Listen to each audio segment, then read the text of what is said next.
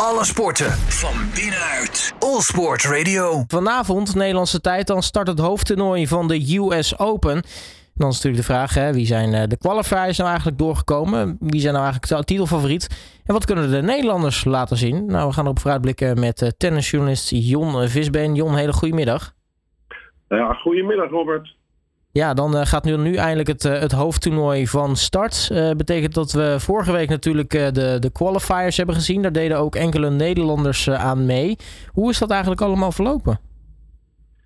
Nou, op zich best verheugend. Zeker voor Gijs Brouwer. Want voor het eerst in zijn leven heeft, heeft hij zich gekwalificeerd voor het hoofdtoernooi. En dat betekent dat we bij de mannen vertegenwoordigd zijn met vier spelers want Van der Zandschuld, Van Rijthoven en Griekspoor die uh, waren al op basis van hun ranking toegelaten, direct.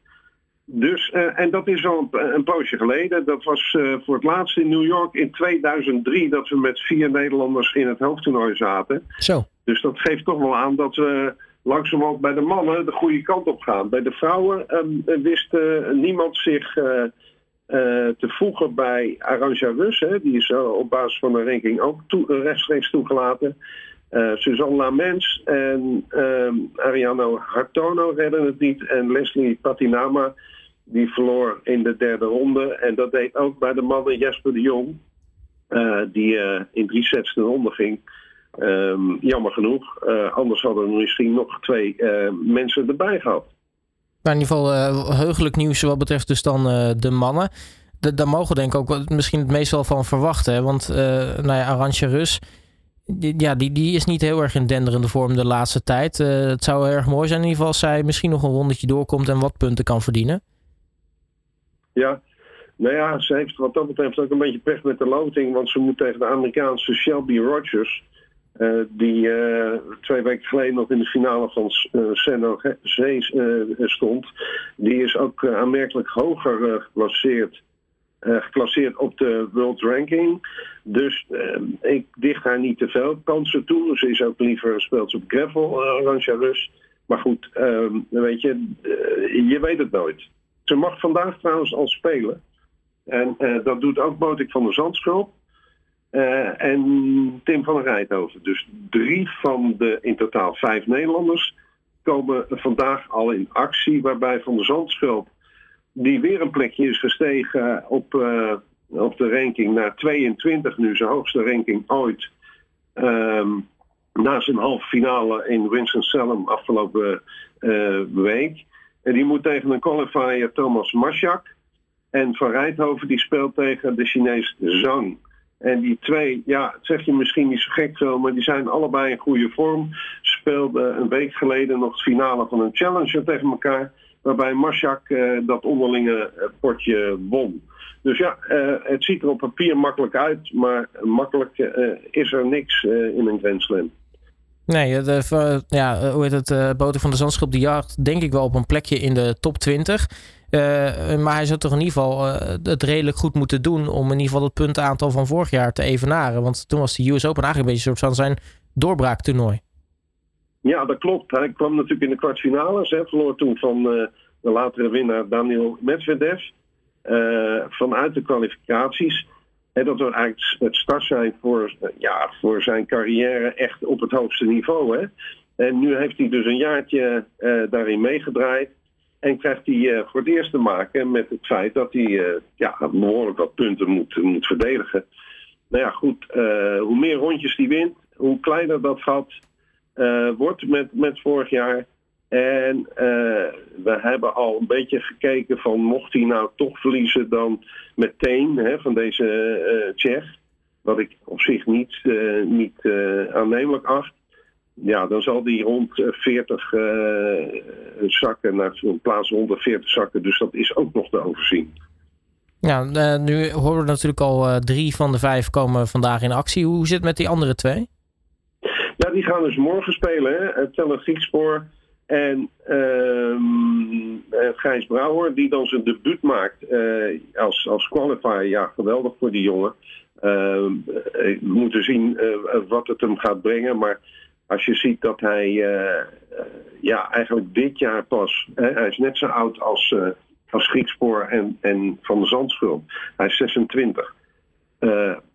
voor het eerst een ATP-toernooi speelde. Dat was in, in, in de lente van dit jaar in Houston, de, de plaats waar hij geboren is.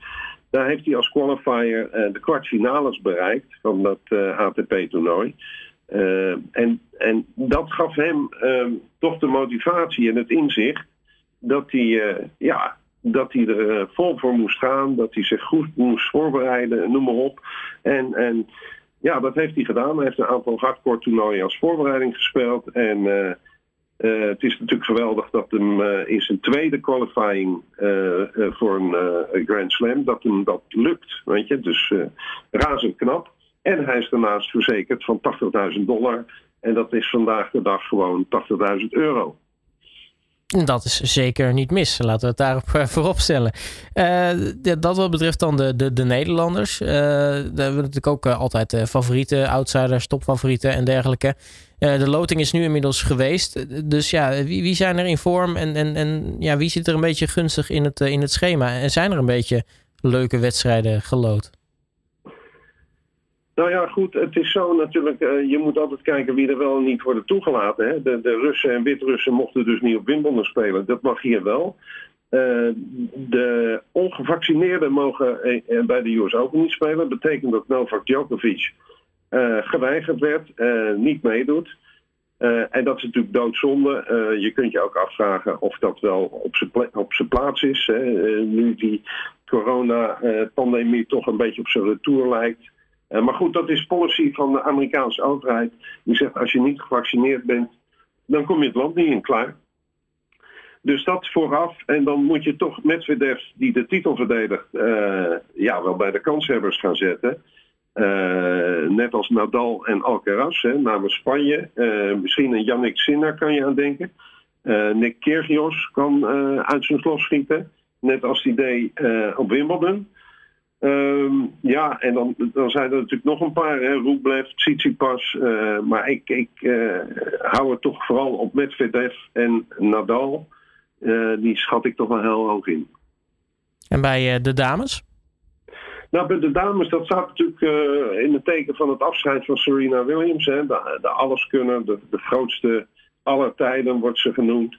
Uh, die mag vanavond, of ja, vanavond uh, New Yorkse tijd, dus vannacht, uh, al spelen. Nou ja, ik denk dat het bom en bom vol zit. Ze heeft min of meer gezegd, ja, dit is toch wel mijn laatste toernooi. Ze wordt binnenkort 41 jaar. het is dan ook mooi geweest. En dan moet ze spelen tegen Danka Kovinic uit Montenegro. Nou, dat, dat zie ik nog wel gebeuren voor haar. Uh, ze mag ook met Venus Williams uh, hebben ze een waardkaart voor de dubbel gekregen. Dus ja, de, de Amerikanen die worden op hun wenken bediend wat dat betreft. En, maar ja, ik, ik, zie ze allebei niet bij de favorieten. Daar moet je toch gaan denken aan een Swiatek, een Coco Gauff misschien, hè, de Amerikaanse voor eigen publiek. Kasatkina, uh, Badosa, Sabalenka. Dat zijn de meiden die ik uh, inschat uh, dat die toch ver gaan komen. Dus daar gaan we in, in de gaten houden. Ja, we hadden het dan even dan over het afscheid dan hè, van, van Serena Williams. ja, ja je, moet zeggen, je hoopt natuurlijk dat het misschien een mooi afscheid wordt. Maar aan de andere kant, als we realistisch zijn, de laatste weken is, is, gaat ook niet heel erg lekker. Dus is dat dan ook dan waarschijnlijk een first round exit? Nou, ik denk haast, eh, kijk, dat ze dit potje wel nog wel gaat winnen. Ik denk dat ze toch ook dat ze een beetje opgezweept wordt door het publiek. Uh, en en uh, dat meisje, Kovinic, ja, dat is nou niet zo'n enorme hoogvlieger. Uh, dus ik denk dat ze dat, die zal waarschijnlijk ook geïnformeerd zijn door door het, grootste, het spelen in het grootste stadion ter wereld, het AFS Stadium in, uh, op Flushing Meadows in New York. Dus ik denk haast dat ze dat nog wel gaat, gaat redden. Uh, maar ja, uh, tegen de top 20 van de wereld, de top 25, is het toch kansloos in mijn optiek. Ja, dan qua betreft de, de, beetje de, lotingen en de, de favorieten, de topfavorieten. Waar, waar kijk jij nou echt naar uit, persoonlijk? Ja, ik kijk natuurlijk toch wel uh, uit naar uh, wat die jonge jongens ook doen. Zo'n uh, Carlos Alcaraz en Yannick Sinner. dat zijn zulke grote talenten. Kijken waar die staan. Hè, of ze toch overeind kunnen blijven in zo'n ja, twee, twee weken slopend toernooi. Want je moet er, je moet er gewoon twee weken staan. En, en ja, dat, dat is natuurlijk. Uh, Medvedev heeft laten zien dat hij dat kan. Die heeft ook een paar finales gespeeld. vorig jaar gewonnen hier in New York moet je, je moet je afvragen of die andere jongens dat al kunnen. Of dat ze toch bezwijken onder de druk. En vooral die Alcaraz, die staat vierde van de wereld. Jongen is 19. Ja, daar wordt zoveel van verwacht. Datzelfde geldt trouwens bij die meiden voor Raducanu. Dat meisje wat vorig jaar out of the blue uh, ineens de titel won. Uh, die Britse, ja, dan moeten we ook maar zien of die, dat, of die die druk aan kan. En, en ja, weer zo ver kan komen. Dus, dus ja, dat is toch wel heel boeiend om dat, om dat te zien. En ik verheug me altijd op of Federer of Nadal als die spelen. Nou, Federer speelt niet, maar Nadal wel. Dus ja, dat, is, dat blijft altijd een spektakel. Ja, die kan natuurlijk het, het record wat hij nu volgens mij in zijn eentje in handen heeft, kan die natuurlijk dan nu op verder op uitlopen dat kan. Hij kan natuurlijk weer uitlopen als hij als die wint op een Djokovic. Hè. Hij staat nu op 22 Grand Slam titels. Dat zouden er dan 23 worden. En Djokovic staat op 21 en Federer op 20. Nou, ik denk dat Federer keurig op die 20 blijft staan.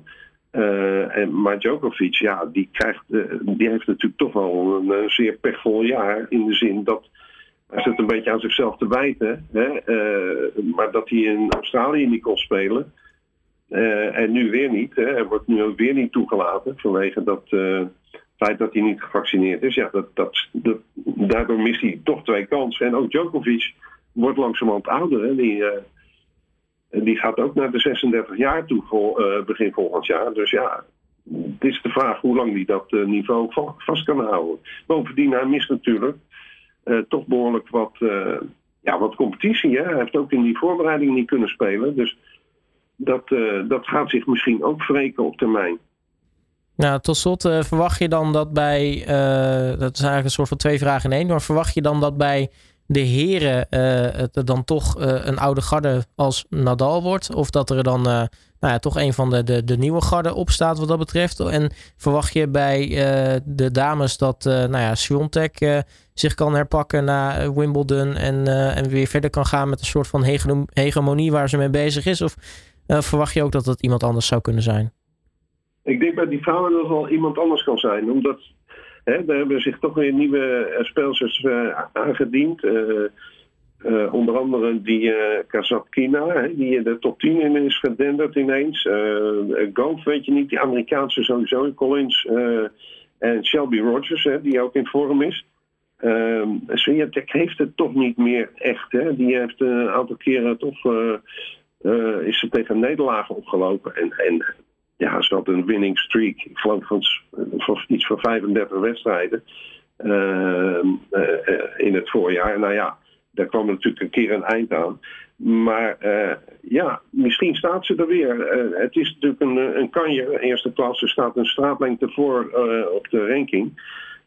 op de eerste positie. Dus misschien pakt ze zich. En die ja, ik denk toch Nadal het heel zwaar gaat krijgen. Ik bedoel, fysiek ook. Uh, misschien dat die, dat die Alcaraz uh, er ineens doorheen komt en, en daar gaat toeslaan. Dat, uh, dat zou zomaar kunnen. Nou, we gaan het zien vanaf vanavond. Dus de eerste, eerste ronde partijen op de US Open. Tennisjournalist Jon Visbeen, mag je hartelijk danken voor je tijd. En natuurlijk ja, heel veel plezier met het kijken. En natuurlijk veel sterker met alle late avonden. Graag gedaan, Robert. Gaat goed komen. Alle sporten van binnenuit. All Sport Radio.